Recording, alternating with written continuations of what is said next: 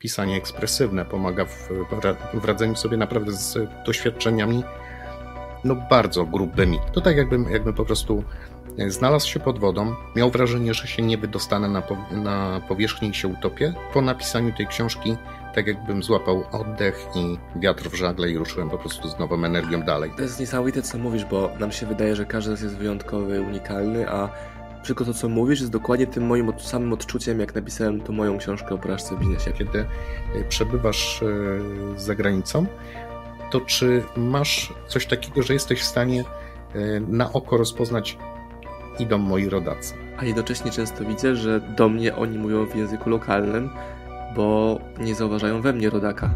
Okazuje się, że po prostu oni uważali, że ja jestem zbyt uśmiechnięty, żeby być Polakiem. Coś tym jest, jak najbardziej. Internet jest pełen wartościowych treści. Tylko, że żeby się do nich dostać, trzeba je wygrzebać ze śmietnika, niestety.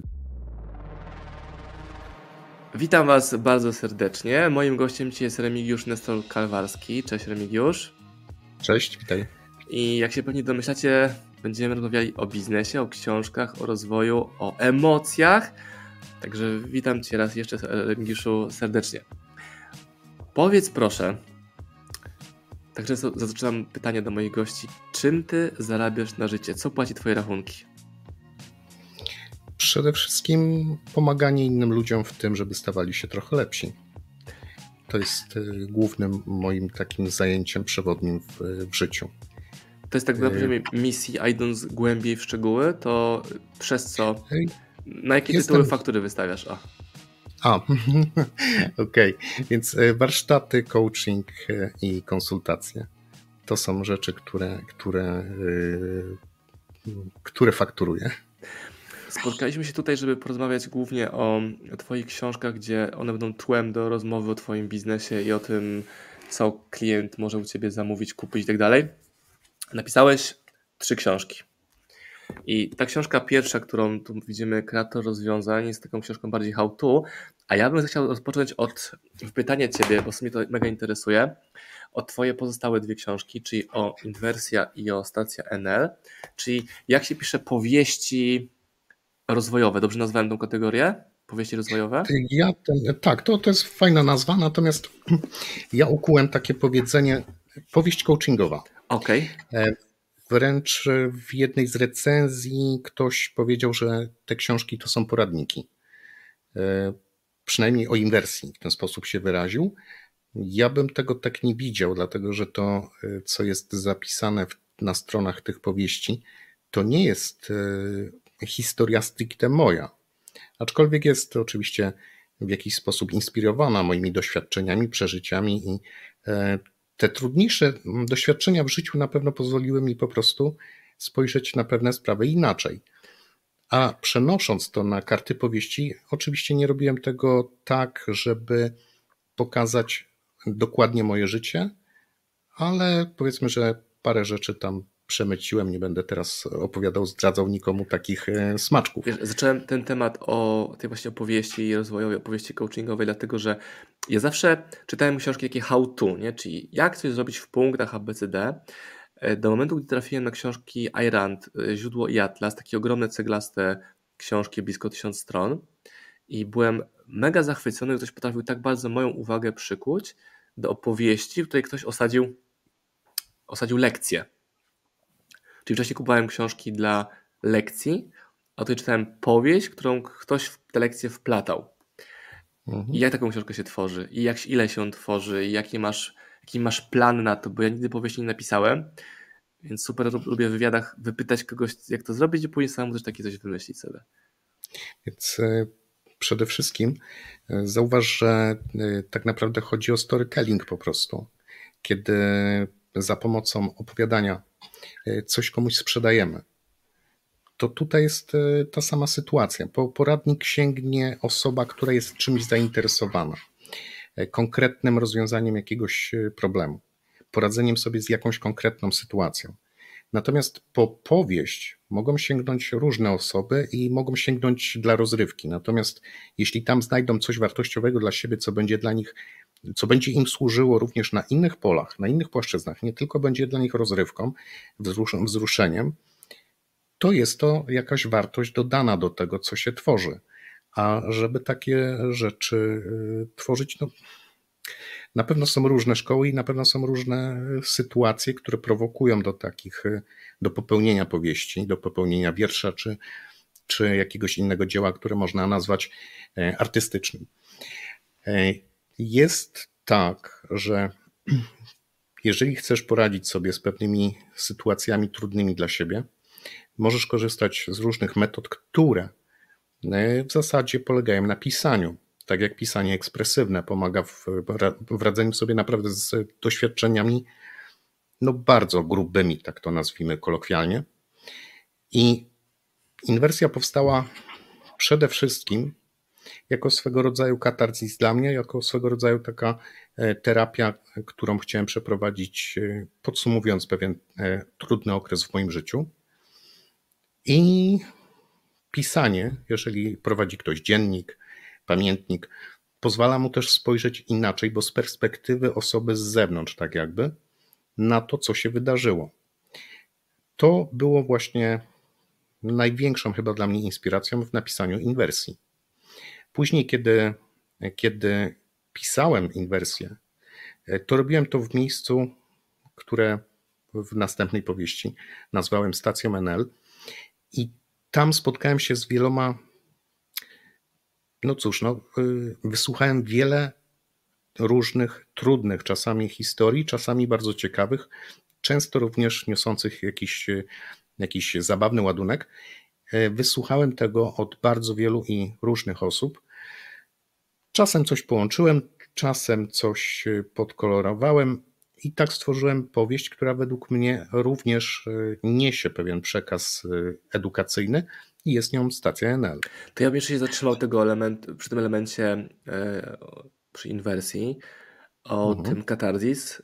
U mnie było tak, że jak zbankrutowałem firmą, to chyba po dwóch latach czy po trzech napisałem książkę Jak sobie poradzić z porażką w biznesie która dla mnie też była takim chyba odpowiednikiem tego, co powiedziałeś, katarzisem, czyli raz, że udokumentowałem twoją, swoją drogę, zostawiłem lekcje dla czytelników, jak oni mogą sobie z tymi wyzwaniami radzić, podobnymi do moich i też zamknąłem etap e, życia pod tytułem porażka w biznesie i poszedłem dalej. Podobnie było u Ciebie? Podobne mechanizmy działały?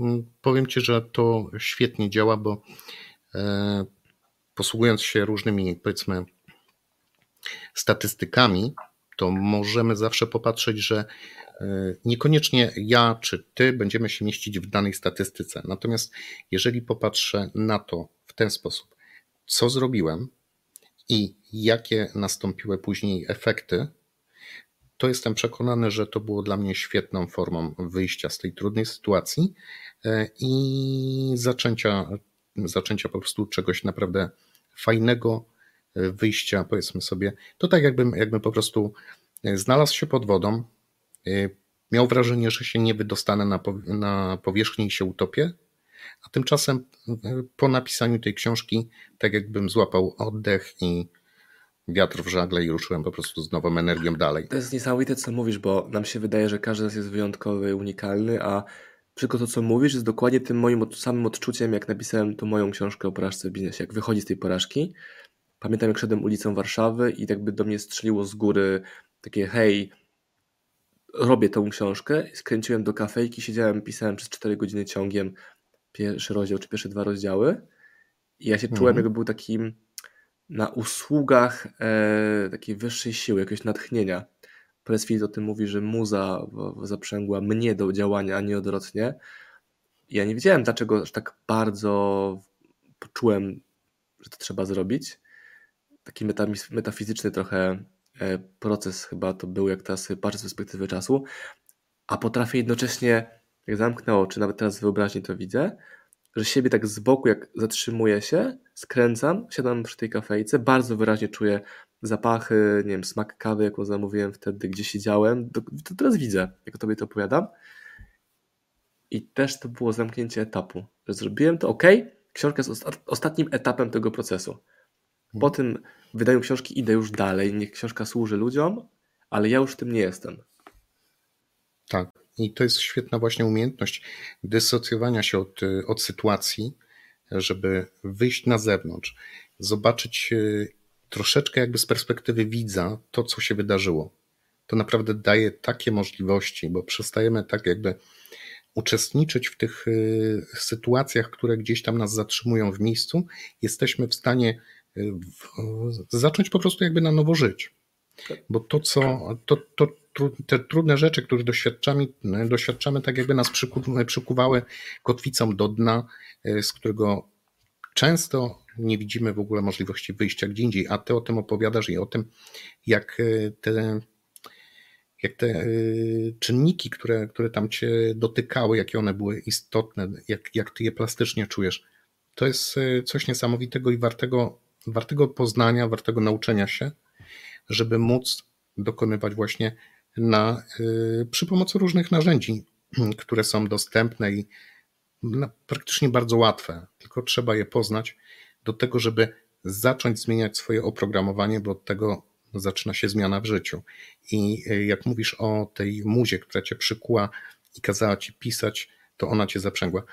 No, jak sobie przypominam, jak, e, jak ja pisałem inwersję, e, jak siadałem do, do, do klawiatury, ja nie wiedziałem, o której godzinie skończę. Ja zakładałem, że dobra, dwie godziny i, i, i, i zrobię sobie jakąś przerwę, albo po prostu dwie godziny, i żeby było, że jest ta systematyczność. Nie?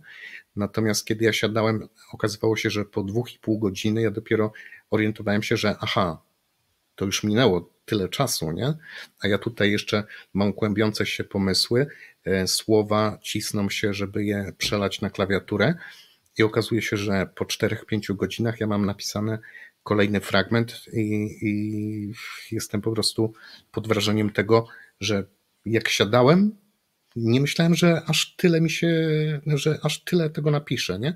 Kiedy zaczynamy coś, nie widzimy tego końca. Warto, warto wiedzieć, gdzie chcemy skończyć, żeby to się nie okazało, że będziemy pracować y, nad czymś do końca życia, nie? I jeszcze tego nie skończymy, ale kiedy robimy coś z wizją tego końca, to po drodze to, jak, jak pracujemy nad projektem, okazuje się być znacznie łatwiejsze.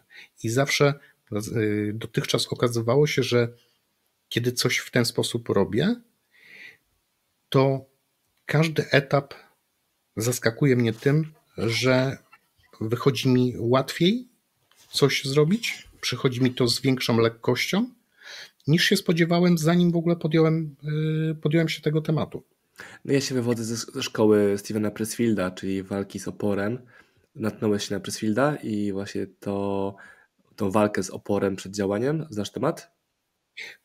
Przemknęło mi to nazwisko, natomiast nie zagłębiałem się nigdy w ten temat. Że to, to właśnie twórczość, gdzie z jednej strony siadasz, żeby tworzyć, ale uda ci się to zrobić dopiero wtedy, jak już zaczniesz to robić, a wcześniej są te wątpliwości w stylu, czy mam na tyle treści, żeby książkę wypełnić, czy ktoś to mhm. przeczyta, czy w ogóle warto, a może zrobię teraz pranie albo E, wiesz, wyrzucę śmieci, że wszystkie rzeczy, które powodują, że tego nie robimy.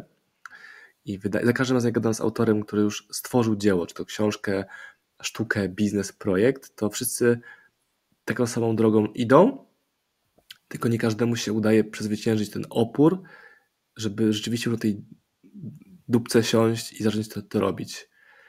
Mhm. I Jest... czasami te uderzenia muzy są mocne, jak u mnie czy u ciebie w przypadku tej książki, ale pewnie nie jest to zawsze u ciebie w ten sposób, e, w ten sposób aż tak lekkie. Czy, czy nie, mylę? oczywiście, że nie. Nie, oczywiście, że nie, bo są dni, kiedy, kiedy się po prostu nie chce, kiedy potrzebujesz e, cokolwiek zrobić innego, zaopiekować się sobą, zadbać o swoje inne potrzeby. Ale kiedy e, jakiś pomysł cię podpala i masz tą energię, że, że chcesz przejść z tym do, do końca, to ten jeden dzień potem się okazuje, że on nie ma znaczenia. Bo e, powiem Ci, jak e, pisałem inwersję właśnie, to ja zakładałem, że ja będę pisał po prostu 6 e, dni w tygodniu. Miałem komfortowe warunki wtedy akurat do tego, że 6 dni w tygodniu, codziennie przynajmniej po te tysiąc słów. No i okej. Okay. Jak się okazywało, siadałem i zawsze, zawsze napisałem więcej. Natomiast były takie, takie zbitki dni wolnych, które no, jak, jak usiadłem i napisałem jeden fragment, to okazywało się, że apetyt we mnie rósł i pisałem jeszcze jeden tego samego dnia. A potem się okazywało, że było kilka takich dni, że napisałem nawet trzy. Więc y, to się wyrównuje. Mhm. Ale przychodzi taki dzień, kiedy jesteś zmęczony, jest jakaś sytuacja y, poboczna, która powoduje, że no, nie, masz, nie masz siły, żeby podjąć takie konkretne działanie. Więc y, z tym też trzeba sobie po prostu dać y, chwilę wytchnienia. No, nie jesteśmy maszynami, a i maszyny wymagają serwisowania, prawda? To zauważyłem dwie, dwa takie mechanizmy. Jeden, że ludzie bardzo chcą taki wysoki stan natchnienia osiągnąć i na przykład zazdroszczą takim autorom jak ty tej muzy, która spłynęła i spłodziła książkę, w cudzysłowie, a jednocześnie sami potrafią tak przeżyć 3 godziny hurtem, bez pójścia na siku, bez pójścia po wodę, gdy oglądają film czy serial. Nie? Tylko, że żyją mhm. wtedy czyimś życiem, czyimś komunikatem, są odbiorcami, konsumentami, a nie twórcami. Tylko to jest właśnie to, na co, na co się zgadzamy, na co przeznaczamy swoją energię. To jest każdego indywidualny wybór. Czy będziemy tą energię prze, przeznaczać na e, tworzenie, czy na, tylko na tresurę, nie? Bo jeżeli będziemy tylko przeskrolować media społecznościowe albo e, namiętnie oglądać e, któryś z serwisów filmowych, no to jednak oczywiście ja nie, nie, nie twierdzę, że to nie jest e, też wartościowe, tylko te wartości trzeba tam znaleźć, trzeba je wybrać, bo jest fajnych naprawdę filmów mnóstwo, które są godne polecenia. I ja szukam takich filmów, choć Oczywiście też zdarza się, że obejrzę coś po prostu dlatego, żeby się przez chwilę y, po prostu odmurzyć, bo y, takie bezmyślne skorelowanie y, mediów społecznościowych czy oglądanie po prostu filmów, które poleca ci serwis jeden za drugim, no to raczej nie, to nie jest wybieranie.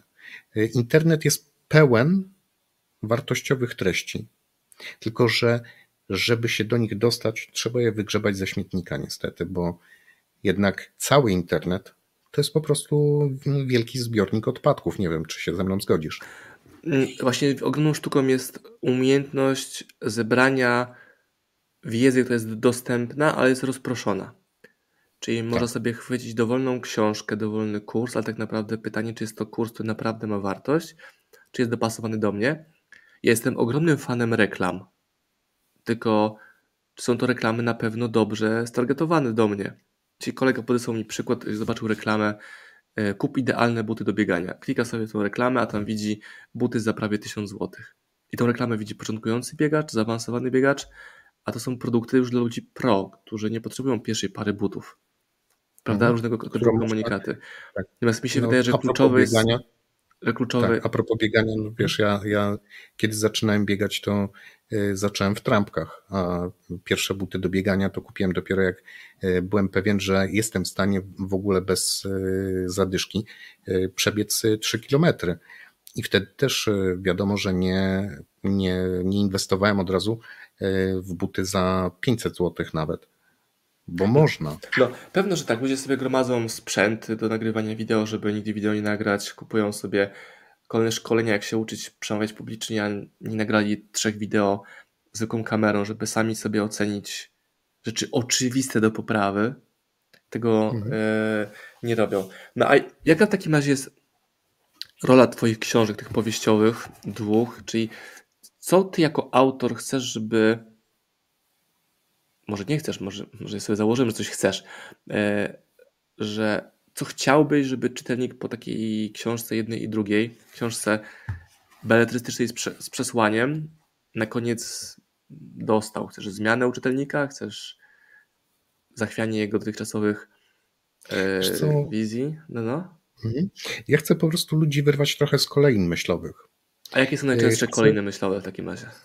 Y, wiesz co, to są po prostu stereotypy, których się, którymi się posługujemy e, na temat, na temat rzeczywistości, na temat innych ludzi. A może jakieś takie top 3 przytoczyć, najczęstsze? No, słuchaj, e, moim zdaniem nie ma, tutaj to byłaby ogromna generalizacja. Nie? Ja, mogę ja mogę po prostu według własnej oceny powiedzieć, jakie ja uważam za najistotniejsze aktualnie. No pewno, oczywiście, o to chodzi jak najbardziej. Natomiast, natomiast to nie, żeby też uczulam, żeby tego nie brać za jakieś, za jakieś poparte dowodami i statystykami informacje, bo to jest subiektywne. Natomiast ja uważam, że wielkim problemem w dzisiejszych czasach jest stereotyp o byciu mężczyzną i byciu kobietą. To są naprawdę rzeczy, które pokutują w dzisiejszym społeczeństwie i na temat instytucji małżeństwa, to jest kolejna rzecz, to są, to są rzeczy, które powodują, że jest taki kryzys po prostu i w tej chwili mówi się o tym, że e, już więcej niż 50% małżeństw kończy się rozwodami. Więc e, te stereotypy bardzo wpływają na to, jak ludzie funkcjonują i jak budują, jak budują relacje. No i to jest niestety yy, problem, który również mnie dotknął, dlatego też tutaj w książce no, na to nie bezpośrednio, ale pewnymi powiedzmy aluzjami i, i tą narracją, tą historią chciałem zwrócić uwagę. Czy też chodzi o, też używasz takich mechanizmów pracy podprogowej tutaj z czytelnikiem i widzem i słuchaczem, że... Nie, nie, absolutnie. To jest, wiesz, to są rzeczy, które uważam za nie do końca etyczne, nie? Natomiast jeżeli ktoś, widzisz, na czym polega różnica między książką e, nad beletrystyką, między beletrystyką a poradnikiem? Różnica jest taka, że e, w beletrystyce e, ja mogę przemycić wszystko, co tylko zechcę, dlatego że mogę w usta któregoś z bohaterów włożyć słowa, z którymi się niekoniecznie będę zgadzał, ale albo będę się zgadzał, ale nie chcę tego, nie chcę tego powiedzieć wprost, po to, żeby ukuć y, czytelnika, odbiorcę, żeby go sprowokować do tego, żeby spojrzał na coś inaczej. Mogę pokazać sytuację, której on w życiu nie, nie doświadczy, albo jest mało, małe prawdopodobieństwo, że doświadczy, i ta sytuacja może go sprowokować do tego, żeby na coś spojrzeć inaczej. Mogę rzucić y, opinię, ocenę, z którą się nie będę zgadzał, ale która będzie na tyle prowokująca, żeby jakiś haczyk zaczepić gdzieś na którymś zwoju e, mózgu czy na którymś połączeniu neuronowym i spowodować, że ktoś zacznie się zastanawiać nad tym, jak to troszeczkę kurczę, czy tu nie ma możliwości, żeby poluzować jego przekonanie na dany temat. Mi się bardzo spodobało, jak zobaczyłem kiedyś reportaż o tym, jak są tworzone film, filmy i i jedna rzecz całkowicie zmieniła to, jak patrzę na filmy. Te, które mają na początku, e, na ekranach początkowych komunikat oparty na faktach. I mhm. ta osoba mówi, która to komentowała, a czy ktoś kiedyś z Was kiedykolwiek pomyślał, że to jedno zdanie może już być częścią filmu, a nie ostrzeżeniem, że w filmie są analogiczne sytuacje co do faktów i sytuacji, które się zdarzyły? Było takie, pff, pff, pff, jakie to jest genialne. Jedno zdanie powoduje, że patrzymy na ten film w sposób bardziej, no, no wie, że to było na faktach. A co tak, jeśli... Czyli następuje takie uprawdopodobnienie sytuacji. O, właśnie, super nazwałeś, tak. I teraz ktoś, ktoś Osadzenie w uprawdopodobnieniu sytuacji, tak. Tak, ale wielu ludziom wydaje się, że pewne sytuacje w ogóle nie mają racji bytu, nie, one by się nie wydarzyły. No, oczywiście, do tego momentu w którym to tego człowieka nie dotknie. No wiesz, nie? ja nie doświadczam. Dlatego nam jest tak e, trudno ja nie już poradzić sobie, hmm? Mów, tak, e, pozwolić tak, tak, jedno zdanie. E, nam jest tak trudno na przykład prze, przezwyciężyć ten opór przed tym, że na przykład w dzisiejszych czasach wojna jest tak blisko nas. My byliśmy przyzwyczajeni do tego, że to są sytuacje, które się nie mają prawa wydarzyć w naszym najbliższym otoczeniu. Dzieją się w najdalszych I... krańcach świata, gdzie nawet nie znamy nazw tak. tych państw. Tak, Albo i, i nie byliśmy w stanie sobie wyobrazić tego inaczej niż na ekranie telewizora. Teraz, e, ok, dobra, nadal doświadczamy tego e, e, przez ekrany telewizora, ale w pewien sposób jest już to tak, jakbyśmy słyszeli przez ścianę kłótnie sąsiadów. Zmienia się nasza perspektywa, zmienia się już nasze postrzeganie takiej rzeczywistości. I tak jest właśnie z tym, co mówiłeś, nie? Uprawdopodobnienie tego, tego co będzie opowiedziane w, w filmie, powoduje, że ludzie już zaczynają zupełnie inaczej odbierać przekaz, który tam się znajduje. Ja często spotykam się z czymś takim, że to, co w moim świecie jest oczywiste, przez wiele osób, przez wiele osób uważane jest za fantazję albo za kłamstwo. Nie? Czyli żyjemy w tak. takich światach równoległych. Czyli w moim świecie jest dużo e, uśmiechu, radości, e, dobrostanu, obfitości, pomagania, mhm. wsparcia. I to są te moje filtry.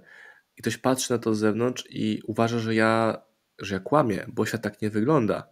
A żyjemy na tej samej mhm. ziemi, w tym samym kraju, w tym samym mieście, na tym samym 10-kilometrowym e, kwadracie wręcz czasami, się mówi o jakichś relacjach tutaj z bliskimi sąsiadami, czy nawet mieszkanie pod podobnym kodem pocztowym też zawęża ci e, prawdopodobieństwo skorzystania z podobnych szans, nie? I jak to z tymi światami równoległymi jest u ciebie i w twoich książkach? Bo widzę, że w tą stronę również to idzie. Pokazanie, hej, są inne światy. Mhm. Takie właśnie zderzenia są e, bardzo ciekawe e, w stacji NL, bo tam jest, e, tam jest opisana historia wielu bohaterów, którzy pochodzą z różnych stron Europy i różnie sobie radzą z tą rzeczywistością, z którą się spotkali już w Królestwie Niderlandów każdy z nich podchodzi inaczej do rzeczywistości, każdy zupełnie inaczej reaguje. Są pewne stereotypy i pewne takie, można powiedzieć, cechy charakterystyczne dla czasami dla różnych nacji. Oczywiście tutaj też y, byłoby to stygmatyzowaniem. Natomiast y, nie wiem, czy ty się z, ze mną zgodzisz, ale wielokrotnie, kiedy y, przebywasz za granicą, to czy masz coś takiego, że jesteś w stanie na oko rozpoznać idą moi rodacy. Bo ja to mam. Jak najbardziej, a jednocześnie często widzę, że do mnie oni mówią w języku lokalnym, bo nie zauważają we mnie rodaka. Tak. Ktoś powie, że to przez moją e, nie opaleniznę, czy trochę inne może rysy takie no. niepolskie, ale uważam, nie, że nie o to ja, chodzi. Ja jestem przekonany, Marcin, że to nie jest z powodu karnacji, e, czy, czy, czy, czy tego, jak się ubierzesz. To jest bardziej spowodowane tym, że zobacz, e, ja też miałem takie sytuacje, nie? Tak jak opowiadasz, że w Holandii przede pierwszym językiem jest angielski, tak naprawdę, nie wcale nie język lokalny. No i tam wielu Polaków zaczynało rozmowy ze mną po angielsku. I później ja rozmawiałem z paroma osobami na ten temat. Okazuje się, że po prostu oni uważali, że ja jestem zbyt uśmiechnięty, żeby być Polakiem. Coś tym jest, jak najbardziej. Jak najbardziej, albo możesz się łatwo w nowej społeczności odnaleźć, na przykład czujesz się lepiej w innej niż tutaj. No bo też wychodzi mi na to, że mając teraz tak duże, łatwe możliwości mieszkania gdziekolwiek się wymyśli, czy to jest Afryka, Australia, Antarktyda, każdy zakątek świata, to mamy możliwość mieszkać w jeszcze bardziej dopasowanym do nas miejscu niż to, gdzie się urodziliśmy. Też jest nowość ostatnich tak, kilkudziesięciu ale, lat. Tak, ale zawsze, gdziekolwiek się nie udamy, zabieramy siebie ze sobą. I tak, e, żeby wybrać się gdzieś i nagle, żeby się coś w nas zmieniło, to musimy sobie na to pozwolić. Ale żeby coś się w nas zmieniło, wcale nie musimy też zmieniać miejsca zamieszkania. E, oczywiście, natomiast mi wychodzi, że bardzo często zmiana tego miejsca, nawet, nawet nie zamieszkania, ale zmiana schematu logistycznego, logistyki, mhm. tak, już tak, powoduje no zmianę. Ułatwia. Czyli my to może wiele ułatwić, otworzyć nas na coś. Nie? My zauważyliśmy z żoną, że bardzo nam służy w ostatnich dwóch, trzech latach natura, las, jezioro i w takich miejscach, w takim miejscu właśnie zamieszkaliśmy w Polsce, a wcześniej mieszkaliśmy w centrum miast, Lublina, Warszawy, y, czy, czy, czy no, dużych miast. Polsce czy za granicą, ale zmieniły się nasze potrzeby, więc mi też wychodzi, że na różnym etapie życia potrzebujemy również różnych miejsc. No to naturalne przecież. Nie, A właśnie nie do końca. naszego życia to my się zmieniamy, ale w ciągu naszego życia zmieniamy się wielokrotnie. Praktycznie my całe życie ewoluujemy. Ale ja teraz będę takim adwokatem moich tej widzów i słuchaczy naszych, że no co, co ty w ogóle Remigiusz opowiadasz? No mam dom, tutaj mieszkam, wybieram szkołę dla dzieci, mhm. one są w szkole, więc tam nie mogę wyjechać, bo one muszą być do szkoły. No i mija 20 lat, no i mieszkam w tym domu, to jest mój dom rodzinny. Ja chcę, żeby moje dzieci mieszkały w tym domu ze mną. To, to co mówisz, mhm. to jest już duża rewolucja, bo jak komunikuję przykład moje podróżowania z dziećmi, czy coraz dłuższe wyprawy z nimi, no to widzę więcej niezrozumienia niż takiego, no oczywiście, że tak właśnie jest, a widzę odwrotnie, że jest takie szokujące dla wielu.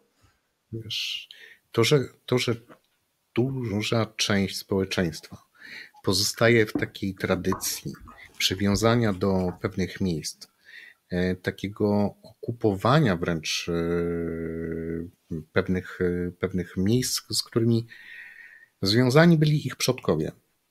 To jest normalne. Natomiast w dzisiejszych czasach to nie jest przecież wymogiem i, i te możliwości, które mamy, jak najbardziej sprzyjają temu, żeby pokazać e, swoim dzieciom różne inne piękne i fantastyczne miejsca na Ziemi i samemu korzystać z tego dobrodziejstwa, żeby odwiedzić takie miejsca, które, w których fajnie się żyje, w których poznaje się inną kulturę. Bo to nie jest koniecznie związane z emigracją, to nie jest koniecznie związane z tym, żeby tam się udać na stałe, ale poznać to miejsce, poznać inną kuchnię, bo na pewno zgodzisz się ze mną, że w 100%. gdziekolwiek... W 100%. Nie, ale słuchaj, czy jakbyś spróbował tajskiej kuchni w Tajlandii, a tajskiej kuchni w najlepszej tajskiej restauracji w Polsce, nie, nie, nie ten... Ja, y, ja uważam, że to jest pytanie retoryczne, natomiast no, wypowiedz się sam. Remigiusz, mówisz w 100% moim językiem. W 100%. Ten przykład smaku różnego jedzenia często przytaczam ono nie może tak samo smakować bez zrobione z innych składników, ale nawet otoczenie, w jakim jem, smak i zapach, w jakim jest ta restauracja osadzona. Przykładem mnie najczęstszym są opowieści o bagietce z masłem i oliwkami w mm. Maroko na plaży. To jest zupełnie coś innego niż bagietka z masłem w Portugalii, a czymś innym zupełnie bagietka z masłem w Polsce. Niby to samo, i jeszcze weź, spróbuj tej bagietki w Paryżu i każda będzie inaczej smakowała. Dla mnie Paryż smakuje i pachnie sikami i trawą. Przede wszystkim, przede wszystkim. No właśnie. Ale to są, nie wiesz, to są takie właśnie y, miejsca, które no cóż, no to są, to, to, ta, ta, ta, ta tradycja yy, chyba jeszcze sięga yy, czasów yy, królów francuskich. To przejdźmy jeszcze do, do Twojej książki numer, e, do tej książki bardziej narzędziowej, czyli kreator rozwiązań.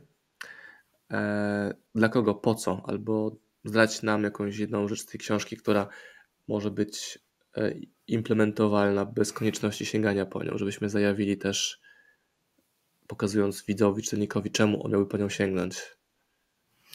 No, wiesz co, y, ja powiem w skrócie, dlaczego ta książka w ogóle powstała. E, ja zająłem się e, rozwojem osobistym dla siebie w pierwszej kolejności, zanim zacząłem e, pomagać innym ludziom. Ja szukałem, ja szukałem rozwiązań dla siebie. To jest, jest też taki stereotyp, że 99% ludzi, którzy idą na psychologię, to oni idą tam, bo mają własne problemy. Coś, coś w tym chyba jest. Coś w tym chyba jest, dlatego że wierz mi, kiedy ja zacząłem zajmować się rozwojem osobistym, to było poszukiwanie pewnych rozwiązań dla siebie, ulepszanie siebie przede wszystkim. Mhm.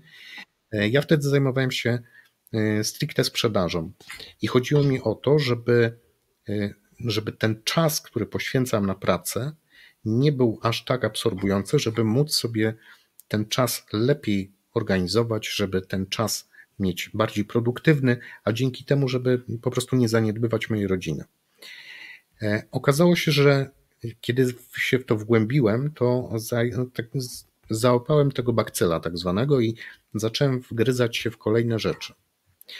I kiedy mm, po kilku latach zacząłem patrzeć wstecz, to stwierdziłem, że pewnego rodzaju podsumowanie takie taka lista narzędzi mi się wyklarowała, które są bardzo istotne, które nie są jeszcze jakieś, powiedzmy, bardzo specjalistyczne, ale są łatwe do zastosowania samodzielnie i które najczęściej mogą posłużyć do tego, żeby znaleźć cel, żeby wytyczyć drogę do tego celu, żeby zweryfikować, czy ma się odpowiednie środki, żeby znaleźć odpowiednią motywację, żeby nie wypalić się zaraz po starcie, żeby umieć zarządzić własnym czasem. I w przypadku jakichś trudności po drodze, żeby umieć sobie jeszcze z tymi trudnościami poradzić. Więc kiedy stworzyłem taką listę, to stwierdziłem, że kurczę, w sumie to jest fajny set. Ja bym się tym chciał podzielić z innymi ludźmi.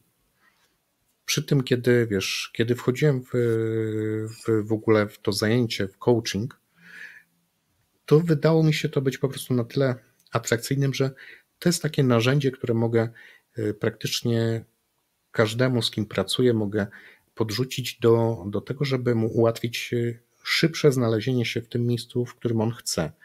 Przy czym on nie musi y, wtedy wracać z każdym pytaniem do mnie, bo jest to, list, jest to lista, mhm. opis narzędzi, jest to tak pokazane, że można tam już działać samemu. Jak y, pewnie zauważyłeś, to jest tam nawet miejsce do tego, żeby sporządzić parę swoich notatek, więc y, ma się pod ręką po prostu nawet to. Czyli też to, tutaj prezentujesz, to jest um, taka droga twórcy, który zdobywa górę i pokazuje, jak ją inni mogą zdobywać. U mnie to było tak z sprzedażą, że nauczyłem się setek sposobów, spisałem 100 sposobów, później 60 jako dokumentację mojej drogi wstecz, żeby inni, którzy chcą, no to proszę bardzo, to jest zestaw mhm. narzędzi.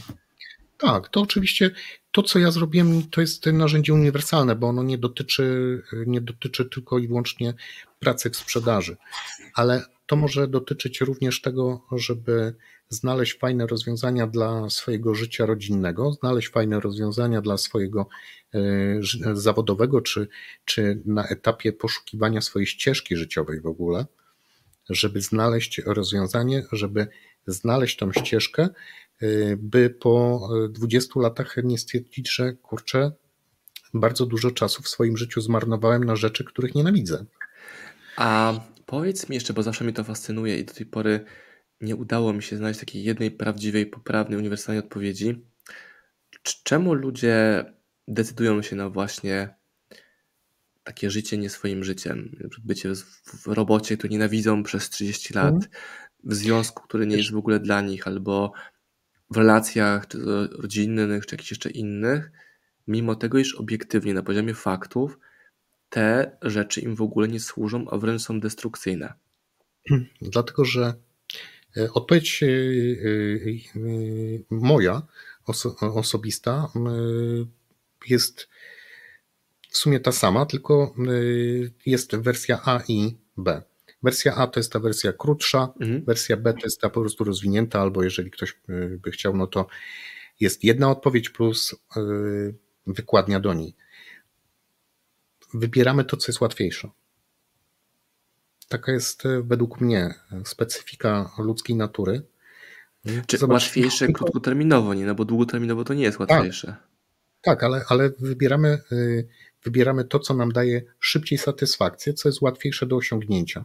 I teraz, jeżeli e, zauważ, ile procent osób zajmuje się tym, żeby prowadzić własny biznes, ile osób, ile osób procentowo odnosi sukces w jakiejś dziedzinie.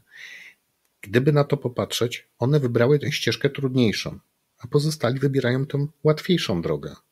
I to jest odpowiedź moim zdaniem na, na, na to pytanie. No to przykład z wczoraj, bo zobacz, wczoraj leciałem samolotem, no. widzę na pokładzie stewardessę, która pracuje, no, leciałem Ryanerem, to nie jest jakiś Emirates mhm. czy coś takiego, gdzie jest... No ale tam też pracują... Wiesz, ładnie wyglądająca, wysoka pani, tak. Która decyduje na to, żeby być no stewardessa, kim jest stewardessa? No to jest no, kelner, kelnerka, która pracuje w przestworach. Jest to znacznie trudniejsze, męczące niż bycie kelnerem w restauracji. Bo dochodzi jeszcze warstwa podróżowania, terminów, jakichś dzikich godzin lotów i tak dalej. Mhm. I ona nie widzi innych opcji, czy ona widzi inne opcje, ale nie chce w nie pójść, czy wybiera właśnie to, że ok, mam tutaj robotę i, i to mi płacą, więc tam idę? Y, moim zdaniem to jest tak, że to będzie oczywiście, y, trzeba byłoby zapytać tej pani, bo. Każdy ma swoją historię. Pewnie, pewnie, pewnie każdy ma swoją wiesz, historię i e, pewne determinanty, które sprowadziły go do tego miejsca, w którym się znajduje. Natomiast czy, czy to jest tak, że w tym momencie jest jej na tyle niewygodnie, że ona myśli o czymś innym, czy to jest właśnie spełnienie jej, jej oczekiwań od życia? Ale być może nie do końca jest zadowolona, bo bo raczej więcej ludzi jest niezadowolonych z tego miejsca, w którym się znajduje, niż, niż jest. No taka jest niestety smutna prawda. Dlatego nadal e, tylu e, spowiedników, psychologów, psychoterapeutów, coachów i różnych duchowych guru ma mnóstwo pracy, żeby wspierać takie osoby. No ale jeżeli ona nie, nie, nie zadała sobie pewnych pytań, które znajdzie na przykład w mojej książce, Y, pytania, które by jej po prostu pewne rzeczy y, wyjaśniły, pozwoliłyby jej spojrzeć na, na, na to, co robi, na to, co jej doskwiera, z czterech różnych perspektyw. Pytanie kartezjańskie. To jest naprawdę narzędzie, które robi przeciąg w mózgu i y, polecam to jako, jako jedno naprawdę z kluczowych narzędzi do tego, żeby sobie w życiu robić pewnego rodzaju renament raz po raz. Mhm. To jeszcze powiedz na koniec o swojej czwartej książce, która będzie miała premierę lada tydzień. To nie będzie e, już kreator rozwiązań, ale kreator czego? Ja już wiem. Kreator spokoju. Spokoju. Który w, który w kreatorze rozwiązań był zapowiadany, natomiast zeszło mi trochę czasu na tym, żeby w końcu kreator spokoju powstał. Premiera będzie 25 maja tego roku, więc na Dzień Matki y, zdąży każdy jeszcze nabyć czy, dla czy swojej mamy w spokoju, tak intuicyjnie sobie myślę, czy to chodzi o kwestię balansu w życiu? Czy działania Bardziej po chodzi, tak, to jest, y, to, jest, to y, jest z tym związane. Natomiast Kreator Spokoju będzie książką, która stricte jest nastawiona na to, żeby pokazać kilkanaście metod na różnych płaszczyznach. W sumie tam jest 51 metod, które pozwalają znaleźć, złapać szybko równowagę, wrócić, poradzić sobie ze stresem, z emocjami i, e, i zrobić to po prostu e, po to, żeby ten balans potem budować trwale, bo balans w naszym życiu to nie jest rzecz, która, e, która gdzieś tam nam ucieka, to jest po prostu zaniedbanie gdzieś tam w dłuższym okresie. Natomiast czasami zdarza się, że porywają nas emocje Ktoś, kto pracuje nad tym, żeby umieć nimi zarządzać, jest mniej podatny na to, żeby byle jaka sytuacja go wytrąciła z równowagi. Natomiast, natomiast żaden, żadna istota czująca nie jest pozbawiona emocji. To emocje powodują, że w ogóle pewne procesy fizykochemiczne zachodzą w naszych organizmach. Więc nie, nie, niech się nikt nie obawia, nie wycinamy emocji, nie pozbywamy się ich, ani tych pięknych, ani tych złych, tych mniej przyjemnych po prostu. Uczymy się na nie reagować, tak? Uczymy się po prostu e, e, radzić sobie tak, żeby one nie decydowały za nas. Bo kto jest czyim pewno... panem, kto jest czyim sługą. Tak, to jest do, dokładnie, bo, bo widzisz, że, często że emocje, zdarza, że... By, że ludzie uważają, że emocje się przydarzają im, nie, że to jest jakiś wystrzał hormonów, substancji chemicznych a, i jesteśmy przez to obewa- tak, a my nie mamy na to, a my na to nie mamy wpływu. Tak wiele osób twierdzi. Tymczasem jest zgoła odwrotnie, tylko kwestia świadomości, podejścia do tematu, zaznajomienia się z nim i pewnego rodzaju uważności na siebie. Ale też chodzi wiele osób w naszej edukacji. Wejdą słowo, żeby edukacja... lepiej zrozumieć to, to, co mówisz, mhm. że chodzi o takie awansowanie w tych etapach, procesach oświecenia, że widzisz więcej, Wiesz co, to jest y, y, od strony duchowej, jakby na to patrzeć, można byłoby to tak postrzegać. Natomiast y, ja patrzę, bo widzisz, w książce ja opisuję metodę radzenia sobie z emocjami na trzech płaszczyznach, bo uważam, że człowieka można opisać najbardziej komplementarnie, patrząc na niego przez trzy pryzmaty: przez pryzmat ciała, umysłu i ducha. Jeżeli ktoś skupi się wyłącznie na tym e, duchowym aspekcie, to nie jest do końca e, moim zdaniem e, racjonalne. I o tym piszę też w mojej książce, o tym też wspominam już w kreatorze rozwiązań. Chodzi mi o to, żeby w tych trzech obszarach iść w miarę, w miarę równo w rozwoju. I dzięki temu oczywiście wznosimy się i zataczamy, wiesz, coraz taką spiralę wznoszącą. Dzięki temu widzimy coraz szerzej. Ale gdybyśmy tylko w jedną stronę poszli, tylko w rozwój fizyczny i radzili sobie z emocjami tylko fizycznie, albo poszli tylko w mental, a zaniedbali w ogóle tą stronę spirytualną, duchową, to zawsze będziemy czuć jakiś niedosyt. A to się będzie przekładać na to, że będziemy szukać czegoś, co nam to będzie kompensować. No są takie stereotypy, nie? gdzie jest wielki umieśniony gość, który ma bałagan w emocjach, jest gość, który e, ma wysoki poziom oświecenia, a jest biedny na przykład. Nie? I takie komplementarne patrzenie na wszystko. Powiedz jeszcze proszę, gdzie można Ciebie spotkać w internecie? Gdyby ktoś chciał więcej Ciebie i Twoich rzeczy, to gdzie, gdzie go odsyłamy?